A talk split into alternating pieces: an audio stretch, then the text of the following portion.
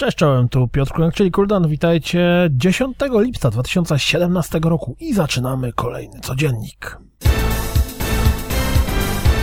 Nie mam pojęcia, jak się będzie grało w Fortnite, ale premierowy zwiastun wygląda całkiem radośnie. Roblox to fenomen, którego absolutnie kompletnie nie rozumiem. Tytuł wygląda jak coś, co zasługuje na pozew odległej Minecrafta, i to równocześnie, a z jakiegoś powodu jest niesamowicie popularny. Tak bardzo, że zachęca do zagrania kolejnym zwiastunem.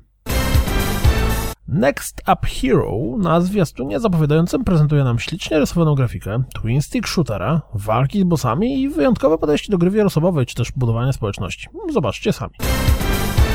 Było kilka screenów, to czas na pierwszy zwiastun Hell Let Loose. Rozgrywki na razie nie ma, ale klimacik jest.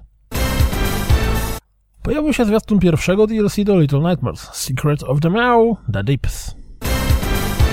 Rogue Trooper Redux prezentuje nam nowy zwiastun z rozgrywką, czy też dziennik deweloperski.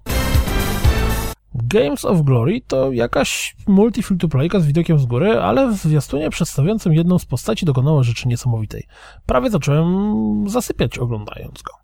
Nie chcę nawet myśleć o tym, jak ekscytująca musi być gra sama w sobie. Zwiastunem zapowiedziano LEGO Marvel Super Heroes 2. Pojawił się kolejny zwiastun remastera Outcasta.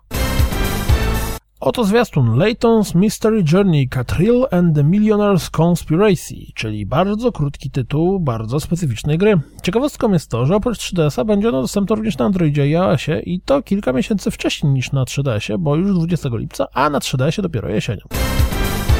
Player Unknown's Battleground mają wyjść z Early Accessu po 6 miesiącach od premiery, w tymże Early Accessie, czyli 23 sierpnia, ale dowiedzieliśmy się, że no będzie to miało, o Jezu, że będzie lekkie opóźnienie i pojawi się to dopiero w czwartym kwartale 2017 roku. Netflixowa Castlevania dopiero co miała premierę, a już dowiedzieliśmy się po raz kolejny, że serial nie dość, że dostanie drugi sezon, to będzie jeszcze w nim dwa razy więcej odcinków. Rok po premierze The Tomorrow Children zamyka serwery. Dzięki update'owi Nemesis Forge do Shadow of Mordor będziemy mogli przenieść niektórych naszych w cudzysłowie pomagierów do Shadow of War. Najnowsza przygoda, która zmierza do Hearthstone'a, zwać się będzie Knights of the Frozen Throne. Super Mario Run przekroczył łącznie 150 milionów pobrań. Do Origin Access i EA Access dołączy Battlefield 1, Titanfall 2 i dodatki do Star Wars Battlefront. Oto 20 minut rozgrywki z Assassin's Creed Origins na Xboxie One X.